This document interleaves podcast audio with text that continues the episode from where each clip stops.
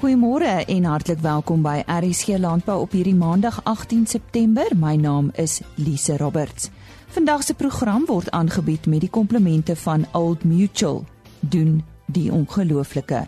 Kom ons kyk vinnig wat u vanoggend te wagte kan wees. Ons gesels oor die GSI of Grain Storage Industries se nuwe verkoelingsstelsel of chiller wat uh, vir die eerste keer in Suid-Afrika gebruik word. Dan praat ons oor probleemdiere en veediefstal. En hier staan by met veilingnuus. Ons gesels ook oor wolbesoedeling. Wat sê die kopers deesdae van Suid-Afrikaanse wol? En om hier af te sluit, Henny Maas in gesprek met 'n boer daar in die Oos-Kaap oor sy swart-wit pense. Bly ingeskakel.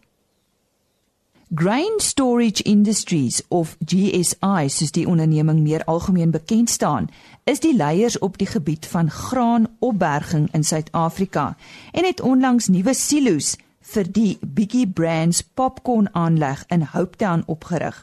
Omdat dit 'n dringende projek was, het GSI daarin geslaag om die silo's binne 'n kwessie van 2 en 'n half maande op te rig, dit te laat inskakel by die bestaande silo's en alles loop klop Disselboom. Tydens die amptelike opening en inhuldiging van hierdie silo's het Johan Engelbreg, die tegniese bestuurder van GSI, vertel dat silo-eienaars normaal probleme het met die bewaring van graan in die silo's en baie geld moet spandeer word aan beroking om insekte en ander chemiese reaksies in die silo te beheer. GSI het 'n mobiele graan chiller uit Italië ingevoer met die oog daarop om silo-eienaars te help om hierdie probleem die hoof te bied. En tydens die openingsgeleentheid van die nuwe silo's van Biggie Brands het hulle aan die boeregemeenskap van Hopetown 'n demonstrasie gelewer oor hierdie nuwe chiller. Nou ons medewerker in die Noord-Kaap, Koos de Pisani, het vir Johan Engelberg gevra wat die doel en funksie van hierdie chiller is uh wat ons doen ons koel die produk af tot so 'n mate laat hy die die vog konstant hou en dan het die boer die voordeel van 'n uh, langer rakleeftyd van die produk in hulle geval. Ehm um, voor hulle dit versak en dan om ook om hulle spaar op beroking. Daar's geen insekte en goed wat in daai in die in die koeler omstandighede broei of um, inkom nie en hulle hulle spaar op beroking en al daai tipe dinge. Julle die chiller masjien het julle nou na 'n uh, bietjie brands in Hopetown gebring om dit op die proef te stel. Hoekom het julle dit nou spesifiek na hierdie uh, maatskappy toe gebring? Kyk, soos ek sê, hulle hulle produk, hulle hulle doen 'n popcorn mielies en dit is vir hulle tot voordeel as hulle die as hulle die vog inhoud wat hulle die mielies in die silo sit, as hulle daai vog kan hou, hoe langer dit kan hou, beter vir hulle produkkwaliteit op die einde van die dag. En wat die chiller dan doen, hy koel die produk af. Hy hy, hy hou die vog konstant en as jy hom tot sê maar 10 grade kan afkoel dan sal kan hy daai temperatuur daai die kan die produk daai temperatuur hou vir tot 9 maande. Soos hierdie silo wat ons nou vandag doen het 2200 ton in. Dit gaan nou 'n sekere periode vat wat ons die die ehm uh, temperatuur afbring tot 10 grade toe, maar dan behoort hy daai 10 grade vir tot 9 maande te hou. Maar onthou intussen tyd ehm um, sak hulle ook en hulle versak en hulle verkoop hulle produk. So hulle raak daarvan ontslaaf voor dit voor dit kom hy behoort nie uh, warm te raak weer binne binne 9 maande nie.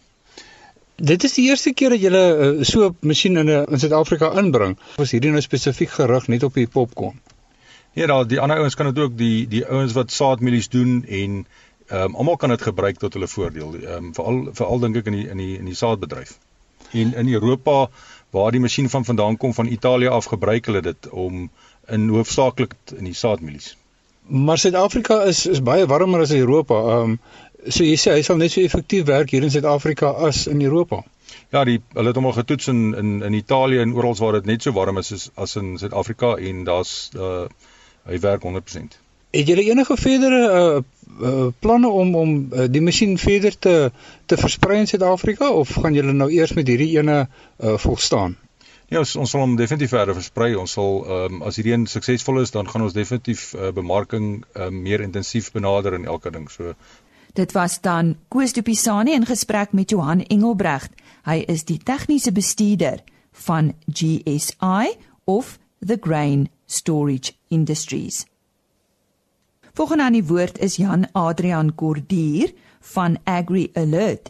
Hy praat oor 'n vee diefstal en probleemdiere en gee ook 'n paar voorstelle hoe hierdie probleme aangespreek kan word.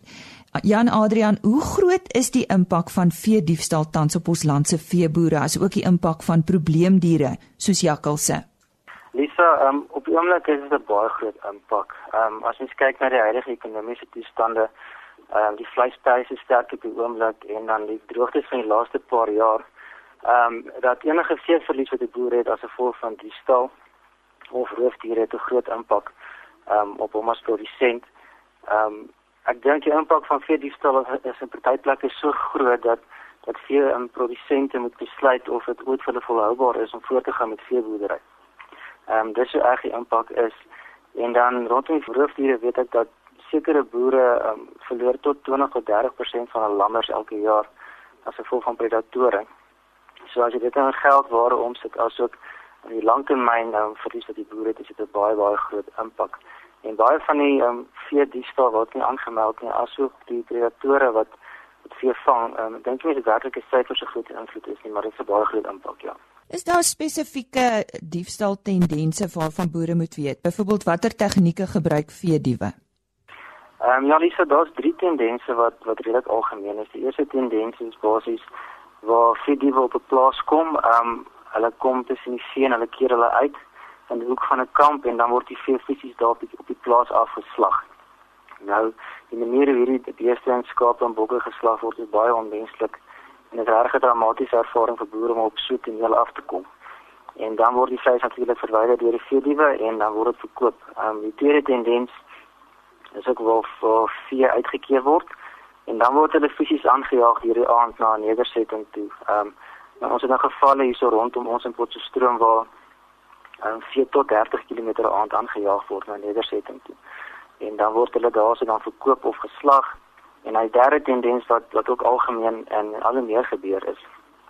Um, vee word uitgekeer hulle word in 'n in 'n drukgang ingejaag of die buurman se plaas word drukgang gejaag en dan word dit op trokke um, en bakkies gelaai en weggery en dan daar sien op te spoor baie baie moeilik dan. Hoe vorder die tegnologie wat ons gebruik om vee diewe en uh, probleemdiere af te skrik?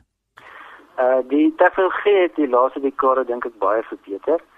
Uh, ek dink 'n baie goeie toevoeging tot die tegnologieontwikkeling is die hoë profiel um, renosterstropery wat tans gebeur. Tegnologie word baie ingespan om renosterstropery te keer en daai selfde tegnologie ehm um, word nou basies oorgedra na na vee diefstal en vee verliesbekamping. So die tegnologie het baie gegroei, maar ek dink daar's nog 'n hele entjie om te gaan om werklik 'n uh, 'n tegnologiese oplossing op die mark te sit wat wat alle aspekte aanraak. So ja. Is daar spesifieke metodes wat julle nou byvoorbeeld voorstaan om diefstal en predasie te beveg? Ja, Lisa, weet jy, ons is al so agter in die mark, mark wat ons met boere werk en boeregemeenskappe en hoe ons basies te werk gaan is om te probeer om die gemeenskap bymekaar te kry. Te kyk wat is die groot probleem um, rondom die stal of of roofdiere. Ehm um, daarna moet ons kyk wat is die tendense wat gevolg word met hierdie die stal of of roofdiere wat ehm um, die goed vang en dan volgens daai 'n eh, tegnologie aan te um, of toe te pas om om hulle probleem aan te spreek. Nou die tegnologie waaraan ons mee baie nou te werk gaan is om merkbande op op vee te sit wat basies 'n alarmstelsel werk. Soos sodra jou vee begin rondhardloop abnormaal in die aand of in die dag dan kry die boere alarms om dan te reageer om te kyk wat is dit? Hoekom beweeg die vee abnormaal? Is dit vee stil? Is dit 'n jakkals in die skape? En daarop moet hulle reageer dan en dit dit, stop. So dit is basies die die metodes wat ons voorstaan um, om dit te doen um, om stil en vee verlies te bekamp ja Ons praat hier van 'n sein. Hoe doeltreffend is hierdie metodes veral wanneer ek nou dink as 'n produsent nou nie selfoonopvangs op sy plaas het nie? Ek dink Lisa, ek dink selfoonmaatskappye het die laaste paar jaar baie moeite ingesit om selfoonopvangs in die in jou in jou gebiede op plaas te verbeter. Ehm um, so ek dink daai probleem is baie besig om om om om nie meer so groot invloed te hê nie. Maar die maatskappy wat betrokke is, dis juis ons hoofdoel is om die die groot faktore die selfoon wat 'n groot probleem was in verlede te elimineer. So um, om basies 'n stelsel op vir die boere kan gee wat wat baie selfoon onafhanklik is. So die boere nie met 100% um, afhanklik is van selfoon om hierdie stelsels te implementeer. So ja, ons ons het stelsels wat wat daai probleem kan aanspreek. Maar soos ek sê, ons het nog nie eintlik 'n 'n plaas in Suid-Afrika gehad wat ons nie 'n stelsel kan implementeer as gevolg van selfoon of ons wat swak is nie. So ja, dit is nie so groot invloed nie. Nou ek weet boere het nou alreeds so baie waarna hulle moet aandag gee. Maak uh, dit nie die bestuur van boerdery in terme van administrasie nou net meer ingewikkeld en meer werk nie? Lisa, kyk elk enige stelsel wat jy op 'n plaas moet implementeer of dit nou 'n melkstelsel is of 'n uh, stelsel om jou om jou vee te weeg, enige stelsel het administrasie. Maar ek glo die voordele wat mense uit so 'n stelsel kry, ehm um, is die administrasielas wat jy kry eintlik weglaatbaar klein. Ek ek glo nie dit is dit is so 'n probleem nie. En ehm um, waar ons hierso by AgriAlert sit met die ehm um, ons het 'n dedicated commission sê um, dienssentrum wat boere ook help in die administrasie. So ons lig hulle in of daar probleme is op die stelsel of as ons iets sien wat nie lekker is nie. So ons al 'n groot administratiewe las van die boer af met hierdie stelsels. En nou alles kos geld. Is dit koste-effektief? Dit is definitief koste-effektief. As jy kyk hoeveel boere verloor met um, met veeverlies van die stal en predasie, ehm um, en wat se verlies het op hulle het op die lang termyn is die uitgawe van hierdie stelsel uh, eintlik minimaal en die boere kan basies dit binne eerste maand of wat kan hy terugbetaal. So ek ek glo nie die koste implikasie is, is so groot aan vir die boere nie. nie. Watter terugvoer het julle al ontvang van produsente wat juis hierdie metodes toepas? Dis ons het baie positiewe terugvoer. Ehm um, so so terugvoer dat boere wat reg wil ophou ehm um, met veeboer teruggekom het na ons en het gesê luister, ehm um, hulle kan net weer begin boer hulle kan nou weer hand op hierdie probleem sit sodat hulle nie wegraak nie en hulle kan weer vorentoe gaan. So die terugvoer wat ons het is regtig positief. Ehm um, nie baie negatiewe terugvoer nie. En dan om jy af te sluit, wat sal jy van jou kant af voorstel as 'n moontlike verdere oplossing om die probleem rondom veediefstal en probleemdiere meer doeltreffend vas te vat? Lisa, ek dink die groot aspek wat ons moet aanspreek is is tweedelig. Ehm um, ek voel die produsente moet van hulle kant af seker maak dat uh, wetlik gewys is hulle al hulle goedjies in plek. Hulle vee se brandmerk of getatoeëer dat as vee wegraak dat jy dit kan identifiseer. Ehm um, deur 'n brandmerk of getatoeëer merk. En 'n tweede aspek wat ek wat ek graag sou sien wil gebeur is is dat organisasies en instansies begin saam staan om hierdie probleem aan te spreek. Op die oomblik is daar baie instansies soos die RPO en die TLI en Agri SA wat baie goeie werk doen om hierdie probleem aan te spreek. Maar ek voel dit is regtig nodig dat die produsent en die private sektor en al hierdie instansies bymekaar begin kom om om saam te werk om probleem te, of om 'n oplossing te kry vir die probleem want elkeen het 'n oplossing maar elkeen trek in sy eie rigting. Jy verstaan wat ek bedoel? Ek sou graag meer samewerking wil sien tussen al hierdie instansies asook die regering om hierdie probleem werklik tot werklik aan te spreek. Goed, kan ons net afsluit met 'n kontaknommer asseblief Jan uh, Adrian, miskien uh, of dalk eerder 'n webtuiste. Julle webtuiste het seker al die kontaknommers op. Ja, ons webtuiste is www.agrialert.co.za of hulle kan ons hoofkantoor skakel by 018 293 1291. En die Agri Alert het 'n uh, koppelteken tussenin. Ehm um, koppelteken of sonder koppelteken altyd gaan deur hoor. Ek het daar gesels met Jan Adrian Kordier van Agri Alert. En nou is dit tyd vir veilingnuus. Op die 19de September is daar die Dunedin Angus veiling. Dit vind plaas op Dordrecht in die Oos-Kaap. 20 swart en rooi bulle word opgeveil. Op die 20ste September is daar die Eders Kroonbons Maras produksieveiling op die plaas Goedgedag Delmas 30 SP bulle en 30 SP oop verse word opgevuil deur BKB van Wyk en die afslaer is Nico Langeveld. Ook op die 20ste September, die 20ste Noord-Kaap Brahman klipveiling vind plaas op die Vryburg skouterrein Vryburg. 30 stoet bulle, 5 vroulike stoet diere, 150 kommersiële diere word opgevuil. Die 5de Select Brangus produksieveiling vind ook op die 20ste September plaas en dit vind plaas by die Arizona Game Lodge Senegal. 20 stoet en kommersiële bulle, 40 kommersiële vroulike diere word opgevuil deur BKB Louwit. Die 16de Fall Zeil Sussex en FC Durrow Trust veiling vind op die 21ste September plaas en dit vind plaas by die Prairie Lady Brand. 25 SP bulle, 5 dragtige SP koeie en 120 kommersiële diere word opgevou deur BKB Louet. Jan Mostert is die afslaer. Tot sover dan veiling nuus. En dit was dan Henny Maas met veiling nuus. Wat sê kopers van Suid-Afrikaanse wol deesdae oor die kwaliteit van ons wol veral ten opsigte van wolbesoedeling? Ek gesels nou met die voorsitter van die Nasionale Wolkwekersvereniging, Gilou de Tooi. Goeiedag, ehm um, Lise, lekker om met jou weer te gesels.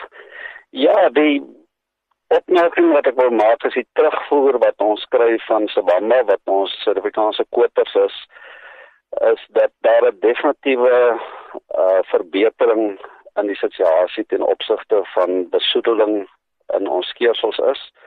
Ehm um, so dit maak ons opgewonde dat al die gepraat daaroor en al die onderhoude wat ons het en alles wat ons doen voorsorgmaatreëls op die ou einde daarom tog uh, vrugte afwerp.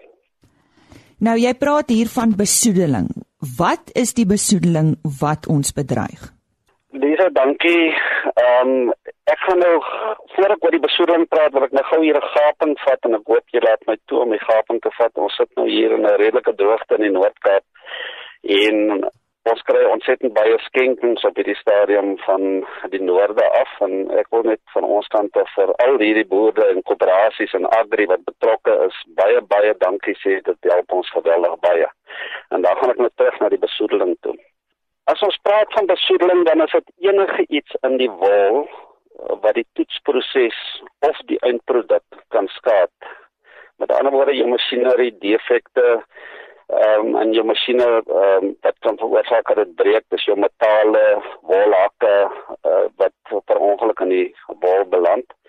En dan uh, het jy nou jou meer ander tipe besoedeling soos baaltou, polyprop sakke, dit is die uh, gewone voersakke wat wat hierdie plastiek polyprop is en dan kemp in in uh, swart vesels in die wol. D dit is die die hoof besoedeling wat ons eintlik in die wol kry. Wat is dit wat besoedeling veroorsaak of besoedeling probleme veroorsaak? Waar kom dit vandaan? Lisa, soos ek het eintlik reeds gepraat oor die metaal en dit is maar by die presproses wanneer 'n wol in die baal gesit word dat 'n wolhaak of 'n metaal van die pres of 'n boutjie kan afbreek.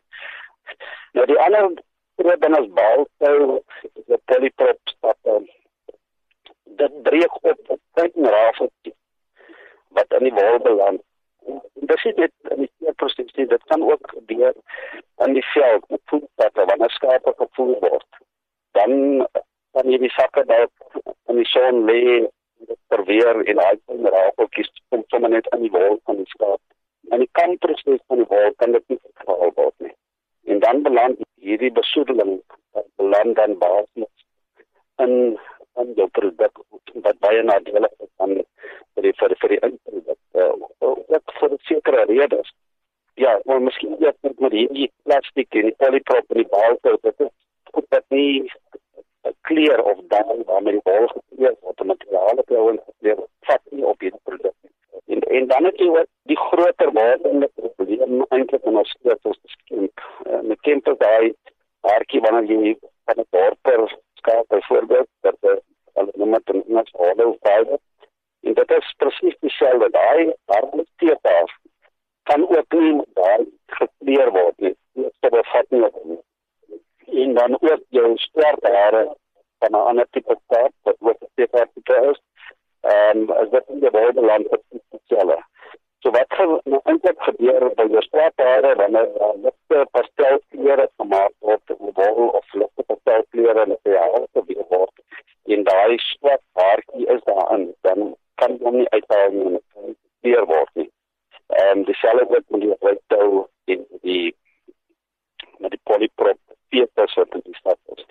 So wanneer kom jy dit agter hier? Dit gaan nie die kamproses uitgehaal word nie. So wanneer jy die bal deur die hele proses is en jy kom by jou kamber bal waar materiale gemaak word in die proses dan is jy um, besoedeling om die bol en dit eers daar is dan kan dit net nie uitgehaal word nie. Vir verwerking van bo 20 mikron is plus minus 20 ton en vir onder 20 mikron is 10 ton. So jy praat van 'n enorme hoeveelheid wol. Nou indien net een vaggie wat met kemp besmet word of besmet is in hierdie beds is, dan word daai hele beds besoedel met iets wat nie gebruik kan word nie. Nou vir die koper of die verwerker op die ou einde is hierdie 'n groot koste. Jy praat van 1 ehm um, Amerikaanse dollar per kilogram koste wat hulle verloor. So op so 'n batch betaal jy vir 130 000 rand en as jy praat van polyprop besoedeling, dan praat jy van 130 000 maal 3 wat jy hier by 450 of wat bedrag gee. Nou dit is enorm en dan moet 'n ou gaan kyk uit die verwerkers oogpunt. As hy wil koop en dit kos hom hierdie enorme hoeveelheid geld aan verliese, dan dink hy twee keer voordat hy weer wil van 'n instansie gaan koop of van 'n sekere land. En dit is hoekom dit so belangrik is dat ons absoluut kyk na ons skeersel en ons kopers oppas en kyk na die eindproduk dat dit 'n kwaliteitproduk kan wees want anders gaan ons onsself in die voet skiet op die einde van die dag. Kom ons gaan terug plaas toe. Hoe moet hierdie probleem hanteer word? Wie moet dit voorkom of wie moet dit hanteer? Dit kom terug na die basiese ons en dis bestuur. Kruisdeling veral in die dae wat ons nou die wolprys redelik geklim het en hoër word dan kry ons produsente wat kruisdeling toepas om dan vinniger ehm um, wol te teel. En dan moet ons baie versigtig wees met die hantering daarvan. Geen probleem om kruisdeling te doen nie.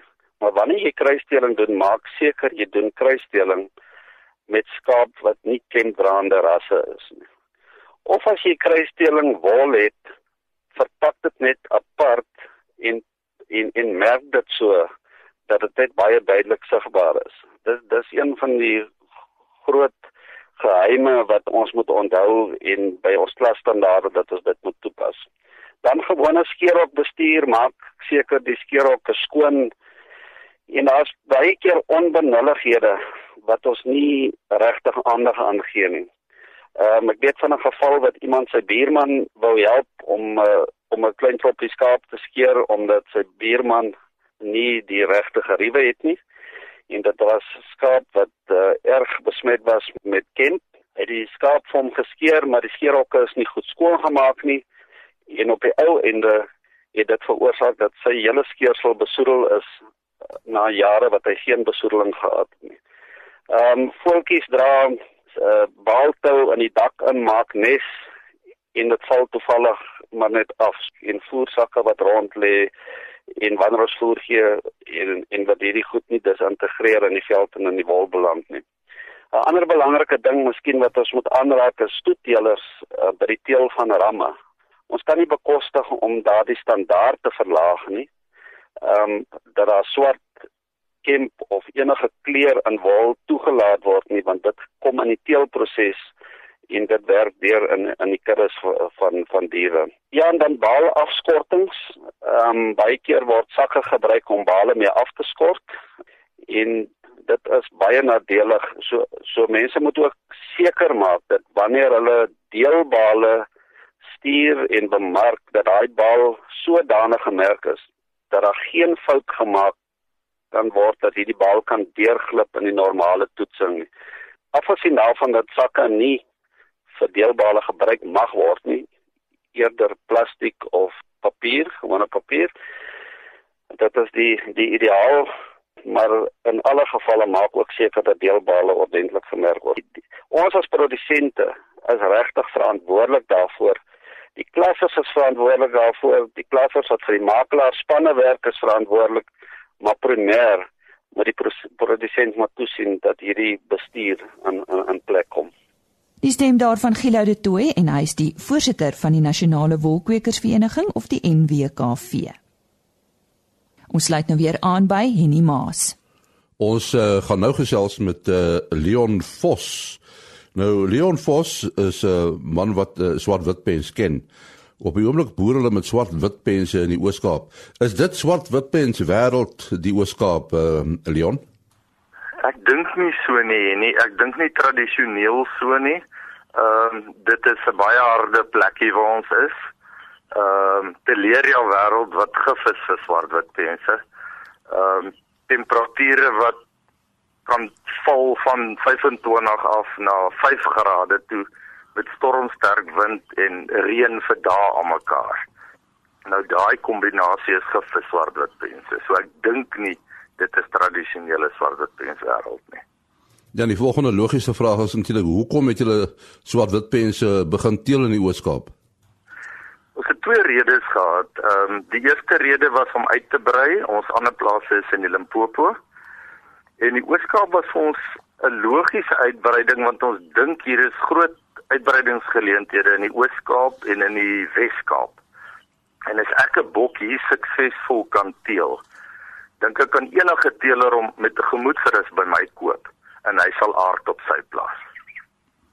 En en hoe die bokke aangepas in daardie omgewing? Dit was regtig 'n nagmerrie geweest. Ons het langtermyn weerberigte gekyk en hulle het skoon weer goeie weer vir ons voorspel. Die bokke het van die noorde af gekom en toe ons hulle aflaai het dit begin reën. Dit het vir 3 dae aanhoudend gereën. Die wind het gewaai, temperature het geval. En ons het uit so 50 bokke wat gekom het, uh, twee diere verloor, 'n kalf en 'n vers. En die, ek moet sê die eerste 2 jaar was 'n riller, maar die bokke is nou 3 jaar hier en hulle lyk pragtig, pragtig. En die manier wat julle met die bokke werk, die bestuurstelsel, ver, ver, verskil dit nou van die byvoorbeeld bo in uh, in noordelike provinsie Limpopo? Dit verskil definitief 'n bietjie. Ehm um, hier het ons oop lande waar ons bokke kalf. So 'n kalfie wat gebore word kry dieselfde dag 'n oorplaatjie en ons weet presies wie sy pa en sy ma, ons hoef dit nie eens met DNA te bepaal nie. In die noorde kalfie in die bos, jy sien die kalfie eers oor 2 of 3 weke en ons sit eers vir hulle op 5, 6 maande oorplaatjies in en sy DNA word ehm um, by Stellenbosch bepaal. En jy sukkel baie keer om die ma op te spoor, ehm um, al doen hulle dit met DNA. En wat die voer betref, ons voer heelwat minder in die Oos-Kaap die weidingsgehalte is rarig ongelooflik. Ja. So die produksiekoste is laer. Definitief en ek dink in die huidige toestande met wild help dit baie.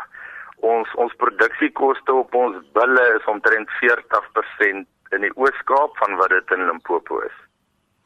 En, en waarvoor teel julle eintlik? Is dit vir die jagmark of uh, die teelmark?